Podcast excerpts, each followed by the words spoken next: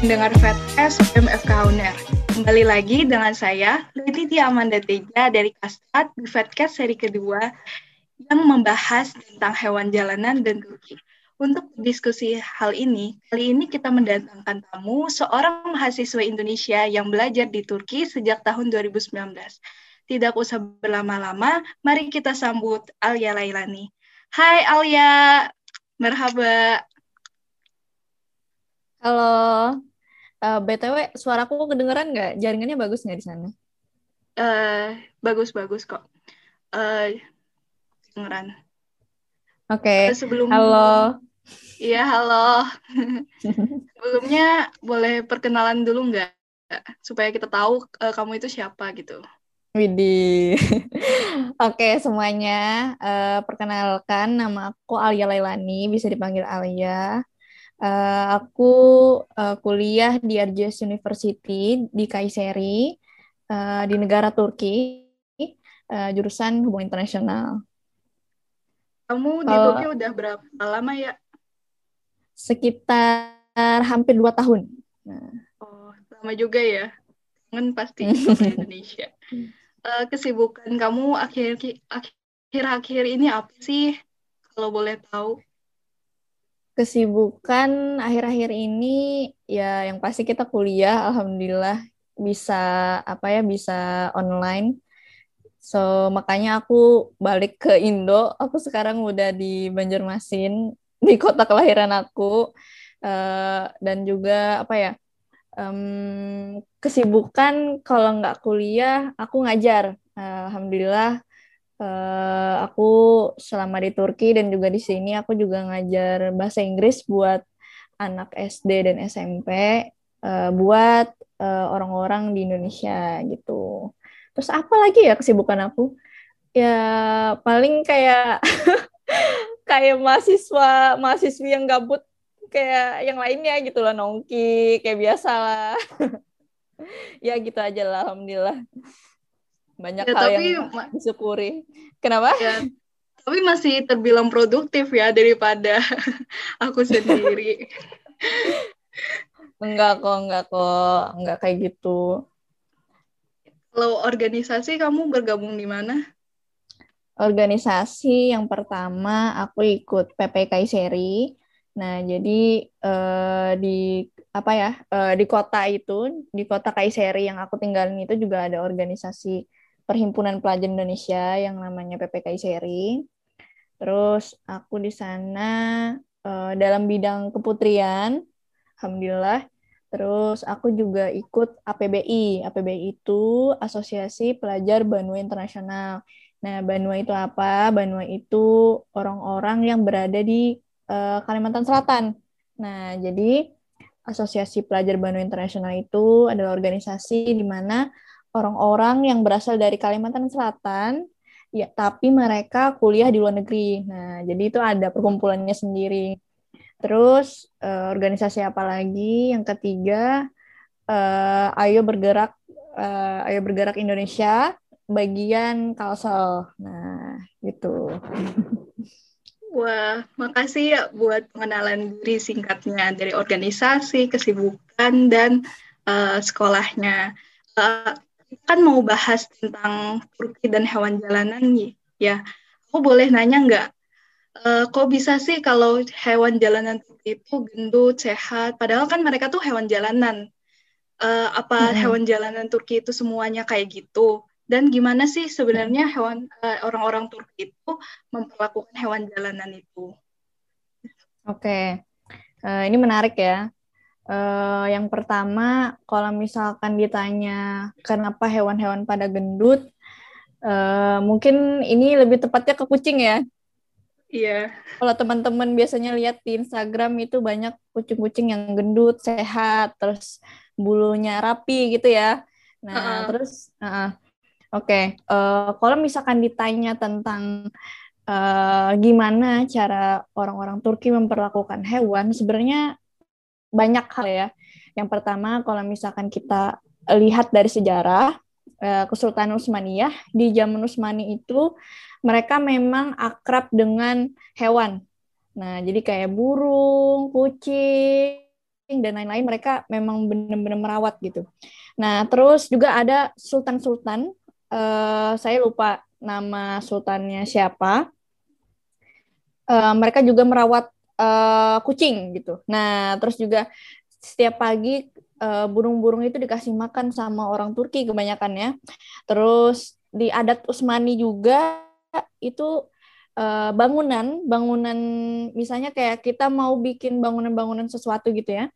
Nah, ada istananya. Nah, istananya tuh buat ini buat burung. Nah, buat burung. Jadi uh, ketika mereka membuat bangunan, mereka itu juga memikirkan uh, bangunan itu friendly friendly nggak buat uh, hewan gitu. Jadi uh, misalkan ada bangunan gedung gitu kan ya, gedung gimana ya, uh, tembok. Nah terus ada rumah nih. Nah rumahnya itu buat apa? Buat kucing kayak gitu ya.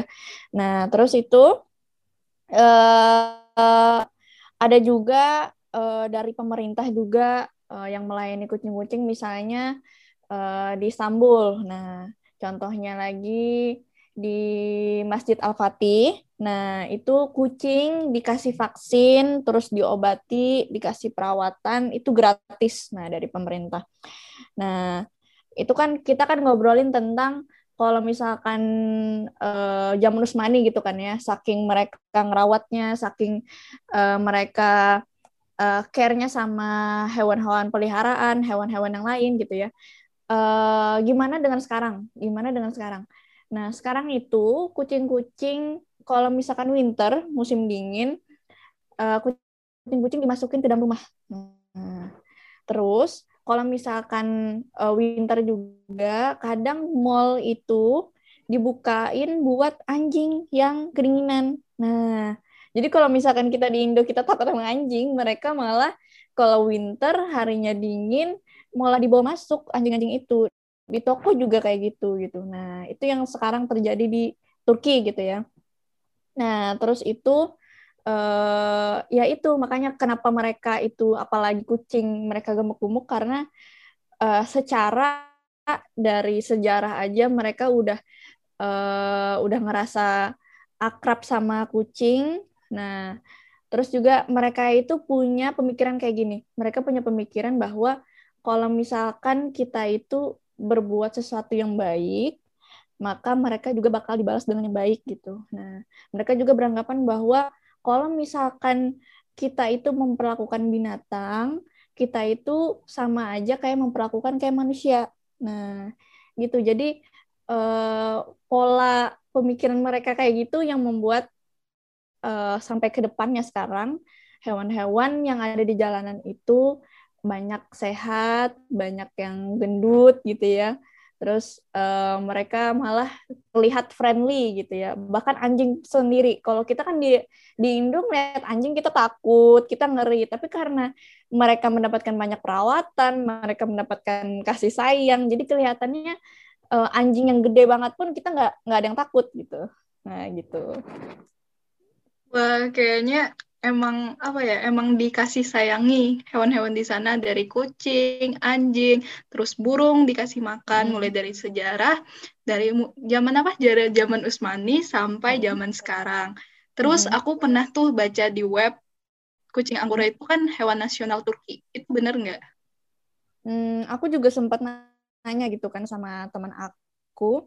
Uh, dia jurusan uh, kedokteran hewan di Turki. Uh, Terus uh, kita diskusi uh, apa betul nih uh, kucing anggora itu hewan nasional Turki. Terus kata dia uh, salah ternyata uh, hewan nasional Turki itu uh, ialah grey wolf. Nah, berarti serigala abu. Nah, terus kucing anggora itu gimana? Nah, kucing anggora itu ternyata hewan nasionalnya di Ankara. Nah, terus uh, juga merupakan hewan anggora itu juga merupakan hewan penting di wilayah Anatolia. Kayak gitu. Wah, berarti setiap kota tuh ada hewan-hewannya gitu. Nah, kan setiap kota kan punya kayak hewan nasionalnya ya, kayak hewan ikoniknya. Apa karena itu orang orang Turki itu memperlakukan hewan jalanan itu secara baik gitu? Hmm, gimana ya? Kalau misalkan ditanya apakah setiap kota punya hewan-hewan ikoniknya? Itu aku belum riset sampai ke situ, mohon maaf ya teman-teman. Nah, tapi kalau kenapa mereka alasan kenapa mereka memperlakukan baik itu sebenarnya banyak alasan gitu ya teman-teman. Uh, bisa dari karena orang itu baik gitu kan secara individu mereka memperlakukan baik karena uh, kesadaran dari masing-masing individu. Terus juga uh, dari agama gitu kan ya kan? Kalau misalkan dalam agama kita pasti kita tidak boleh dong uh, untuk memperlakukan uh, penganiayaan gitu. Apalagi terhadap hewan gitu kan ya. Ke manusia aja nggak boleh apalagi ke hewan gitu. Nah terus itu juga faktor apa? Faktor budaya tadi yang udah aku jelasin dari sejarahnya. Terus juga uh, yang pastinya juga ada aturan ketat perawatan hewan di Turki gitu ya memang bertahun-tahun lalu itu peraturan itu tidak seperti ini. Maksudnya tuh uh, nanti aku jelasin peraturan ketat itu yang seperti apa. Tapi uh, karena masih adanya kasus gitu kan ya, kasus manusia menganiaya hewan gitu, maka uh, datanglah peraturan yang ketat di Turki gitu. Oke, makasih ya. Nah, tadi kan Aliat sempat singgung tentang peraturan ketat ah pemeliharaan hewan di Turki. Nah, di Turki itu uh, sebenarnya gimana sih peraturan itu yang mengatur kesejahteraan hewan? Apakah itu termasuk yang peraturan ketat itu? Oke, okay. um, ini aku apa ya uh, mendapatkan informasi ini juga dari teman aku yang dari kedokteran hewan di Turki itu ya. Jadi apa ya aku nggak memakai ilmu kesotoyan dalam menjawab pertanyaan teman-teman gitu ya oke okay. uh, eh, yang kita diskusikan itu adalah uh, yang pertama ada aturan untuk impor dan ekspor hewan nah terus yang kedua ada aturan ketat untuk vaksinasi hewan terus yang ketiga hewan peliharaan itu tidak dapat berpergian tanpa paspor hewan peliharaan. Nah, ini yang menarik. Sertifikat kesehatan dan catatan vaksini, vaksinasi. Nah, gini teman-teman. Uh, pernah aku pengen ngerawat hewan, hewan kucing gitu ya. Nah, itu dari Bursa. Nah, kota Bursa. Sedangkan aku di Kayseri. Nah, terus uh, apa ya? Untuk nyampe ke Kayseri aja uh, ternyata kita harus ada apa ya uh, macam-macam hal yang harus dilakukan gitu. Dan ternyata pas sudah nyampe uh, kita uh, dikasih paspor. Itu kaget banget kayak hah? Ini kucing keluar kota aja pakai paspor gitu kan ya. Oh ternyata memang wow peraturan Turki seketat itu gitu. Tapi bagus gitu ya. Jadi uh, kalau misalkan mereka bepergian mereka dikasih paspor terus sertifikat kesehatan, terus catatan vaksinasi, terus di paspor itu juga ada tulisan kayak uh, ini dari keluarga mana gitu. Kucingnya ada deket, ada apa ya? semacam bagan keluarga gitu lah, namanya siapa. Jadi uh, nama nama kucing itu juga tertulis di paspor itu gitu. Kayak kaget banget gitu culture shock gitu kan. Kan kita kan kalau nemu kucing ya nemu kucing aja. Oh ternyata scare itu uh, pemerintah Turki uh, untuk merawat hewan hewan peliharaan gitu. Terus uh, apa lagi ya? Uh, kalau misalkan orang-orang treat uh, animals badly, ya hukum pasti akan menghukum mereka gitu ya. Uh, apa teman aku bilang ya, kalau misalkan ada yang memperlakukan hewan dengan cara menganiaya, apalagi uh, apa uh, sampai menyiksa, itu pasti ada hukum yang berdiri di situ. Terus juga hewan liar tidak boleh dipelihara di rumah. Nah, uh, ini ada hal yang lagi menarik nih teman-teman. Jadi waktu pertama kali aku ke Turki, itu kan aku nyampainya ke Istanbul dulu kan sebelum ke Kayseri dan aku ngeliat ada tanda aksesoris gitu bulat di telinganya anjing. Nah, jadi ada warna merah, terus ada warna hijau. Itu aku masih belum tahu fungsinya apa, uh, warnanya itu uh, menandakan apa aja, tapi uh, yang aku diskusikan kemarin bahwa kata teman aku yang apa yang sekali lagi dia di kedokteran hewan di Turki dia bilang itu adalah animal tagging. Nah, animal tagging itu apa? Semacam identitas hewan. Nah, jadi uh, di animal tag tagging ini Nah, jadi di situ ada registration number. Nah, nomor pendaftaran. Nah, jadi kita bisa tahu detail semua vaksin dan treatment record dari anjing itu. Nah, jadi kayak kalau misalkan kita ngeliat anjing terus apa ya? Uh, terus kita lihat nomornya, nah kita bisa tahu gitu kan kayak oh ini udah divaksin ini, oh uh, dia udah di treatment kayak gini kayak gitu. Nah, terus juga ini juga nggak cuman dilakuin ke anjing jalanan, tapi juga dilakuin di peternakan. Nah, peternakan dengan hewan besar. Nah, untuk mencatat setiap hewan. Jadi scare itu ya kayak kaget-kaget aku kok tiba-tiba anjing di telinganya pakai anting gitu kan ya. Kayak ini kenapa nih orang gabut atau gimana? Ada yang iseng. Oh, ternyata dari pemerintah Turki mereka em emang udah uh, ngetek satu-satu gitu kan anjing-anjing jalanan yang mana yang udah dirawat, yang mana udah divaksin. Mereka punya hal-hal yang kayak gitu, keren banget sih. Ya itu aja. Iya, um, aku izin berpendapat ya ya. Kalau hmm. animal tagging itu kalau di ternak besar itu lumayan umum dibuat hmm. di Indonesia. Hmm. Tetapi kalau yang anjing jalanan jujur saja hmm. aku sendiri nggak pernah melihat ada animal hmm. tagging. Berarti hmm.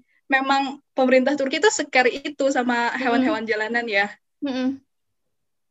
Iya iya, makanya kayak uh, aku kan baru tahu kan aku sebagai orang awam aku baru tahu gitu kan ya.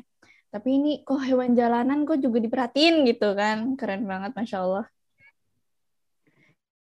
Ya, kalau kita bicara hewan kan kita uh, belum kayak belum pas kayak belum pas kalau kita nggak bicara dokter hewannya. Uh, gimana sih kalau dokter hewan di Turki itu? Oke, okay. um, karena uh, aku alhamdulillahnya alhamdulillah lagi nih aku sebut lagi nih ya, alhamdulillahnya uh, punya teman gitu ya juga dari dokter hewan, jadi dia bakalan bilang kayak gini. Uh, jadi dari kesehatan hewan hingga manajemen hewan semua aspek dipelajari di berbagai tingkat kuliah kedokteran hewan di Turki. Jadi uh, dia bilang kayak gini di bidang kesehatan um, mereka bahas penyakit dalam hewan, radiologi dan bedah hewan, ginekologi hewan, patologi hewan, parasitologi, virologi, imunologi dan lain-lain. Nah, untuk bagian manajemennya itu peternakan sapi perah, peternakan daging, peternakan unggas, kandang anjing, kandang kucing, uh, klub uh, klub berkuda dan juga manajemen pusat kuda dan lain-lain. Gitu. Berarti uh, kayak kurang lebih aja sama apa uh, kedokteran hewan di Indonesia gitu. Oh, sama ya? Mungkin suatu ya kurang lebih aja. Mungkin nanti di sini teman-teman yang dari FK Indonesia mau S2 ke Turki boleh banget kan ya? Iya, boleh banget. Boleh banget lah, masa enggak? Terus kalau dokter hewan di Turki itu melihat hewan-hewan jalanan di Turki itu kayak gimana? Hmm, dari sudut ya. pandang dokter hewan yang okay. sudut pandang temenmu itu. Hmm, Oke, okay. kalau dari sudut pandang teman aku itu, uh, dia lihat bahwa hewan-hewan di jalanan itu uh, apa ya, udah diperlakukan dengan baik oleh pemerintah Turki dengan sistem manajemennya. Jadi ada departemen perawatan hewan di setiap kota. Nah, itu yang pertama. Yang kedua juga mereka punya ambulan hewan. Nah, menarik. Yang ketiga, pekerja staf pertolongan pertama hewan juga ada. Terus juga transportasi hewan juga ada. Nah, terus dia juga bilang jika ada hewan yang sakit, nah terus misalnya di jalan nih kita ketemu hewan sakit di jalan, nah on the street gitu kan ya. Terus uh, nanti kita bawa ke rumah sakit pemerintah. Nah, untuk untuk diobati ya. Nah, setelah perawatan hewan itu diangkut ke kandang anjing atau ke rumah kucing atau fasilitas seperti binatang. Nah, dari fasilitas itu, nah orang nih dapat ngadopsi nah hewan-hewan ini. Nah, jadi um, ngasih mereka rumah, terus ngasih perawatan kayak gitu ya. Jadi kalau anjing sakit atau kucing sakit tergeletak gitu ya di di jalan itu nggak cuma dianggurin aja tapi mereka diobati terus mereka berusaha nyari cara biar gimana nih orang-orang bisa ngadopsi anjing atau kucing ini kayak gitu. Hmm, menarik ya sampai ada ambulannya, ada apa tadi transportasinya. Soalnya jujur aja aku pernah pengalaman rescue hewan itu kayak hmm. serba biaya mandiri, ke dokter hmm. hewannya mandiri, hmm. ke sininya mandiri. Jadi agak terbantulah bagi animal lovers buat rescue rescue hewan gitu. Hmm. Nah, menurut pandangan Alia nih, apakah sudah terwujud animal welfare di Turki? Nah, sebelum Alia menjawab, aku bakalan jelasin ya apa itu animal welfare. Jadi animal hmm, welfare itu punya lima uh, lima prinsip kebebasan.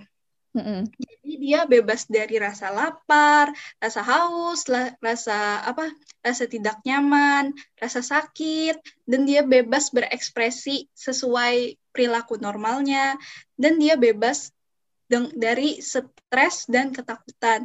Nah, dari lima, uh, lima prinsip kebebasan animal welfare, apakah hewan jalanan Turki itu sudah mencakup semua gitu? Hmm, hewan di Turki ya mencakup semua. Hmm, gimana ya? Um, aku lihat cukup ya, cukup uh, untuk bisa dikatakan animal welfare gitu. Sudah lumayan cukup apalagi uh, mereka punya departemen perawatannya masing-masing di setiap kota itu itu lumayan lumayan luar biasa gitu ya. Kita nggak kebayang banget kalau dibandingkan dengan Indonesia gitu. Jadi aku aku kira menurut aku uh, animal welfare sudah lumayan cukup gitu untuk bisa dikatakan di Turki. Iya berarti animal welfare-nya lumayan lah gitu mm -hmm. gitu karena mm -hmm. ada ambulan, sudah ada ambulan hewan, terus mm -hmm. ada transportasi hewan. Jadi kalau hewan jalanan lagi sakit atau tergeletak, ya udah langsung cus nelpon ambulan gitu. ya udah nih pertanyaan terakhir nih. Menurut mm -hmm. Alia sendiri tuh pola pikir masyarakat yang bagaimana yang bisa diterapkan uh, dan dicontoh di Indonesia gitu. Oke. Okay um, aku pernah mendengar dari teman aku uh, dia orang Turki uh, dia pernah bilang kayak gini uh, hewan itu juga makhluk Allah. Uh, jadi kita kalau ngasih bantuan itu jangan setengah-setengah. Ngasih bang ngasih makan jangan setengah-setengah. Jadi mereka itu memperlakukan hewan itu kayak manusia gitu. Jadi uh, disamain gitu. Kalau misalkan kita baik ke manusia, kita juga harus baik ke hewan. Nah, terus uh, apalagi mindset yang harus kita apa ya kita gunakan atau kita apply di Indonesia. Uh, yang pertama, kalau misalkan dari sudut pandang aku dan teman-teman aku yang berada di luar, uh, sebenarnya uh, hewan ini untuk hewan yang dilindungi itu sudah lumayan dijaga di Indonesia.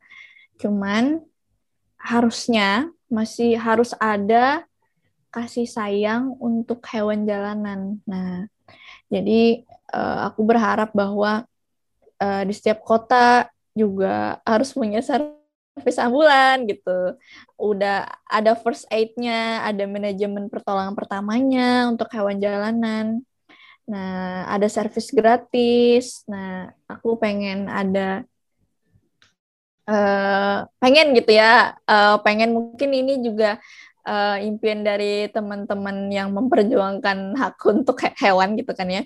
Nah, uh, ya seperti uh, di Turki gitu dan yang menanggung itu dari pemerintah kita sendiri gitu. Jadi enggak cuman hewan langka tapi juga banyak kasih sayang untuk hewan di jalanan gitu. Jadi uh, pengennya Indonesia juga uh, memperhatikan hewan jalanan seperti uh, yang Turki lakukan ke hewan-hewan jalanan gitu sih. Iya, terima kasih Alia. Mungkin um, ini bisa jadi closing statement-nya ya. Uh, makasih banget udah nyempatin waktu buat diskusi, buat tukar-tukar pikiran, sharing-sharing pengalamannya di Turki tentang hewan jalanan. Um, uh, kepada teman-teman yang mendengarkan Fatcast, jangan bosan-bosan. Uh, tunggu Fatcast berikutnya. Terima kasih. Terima kasih juga Leti, terima kasih juga teman-teman.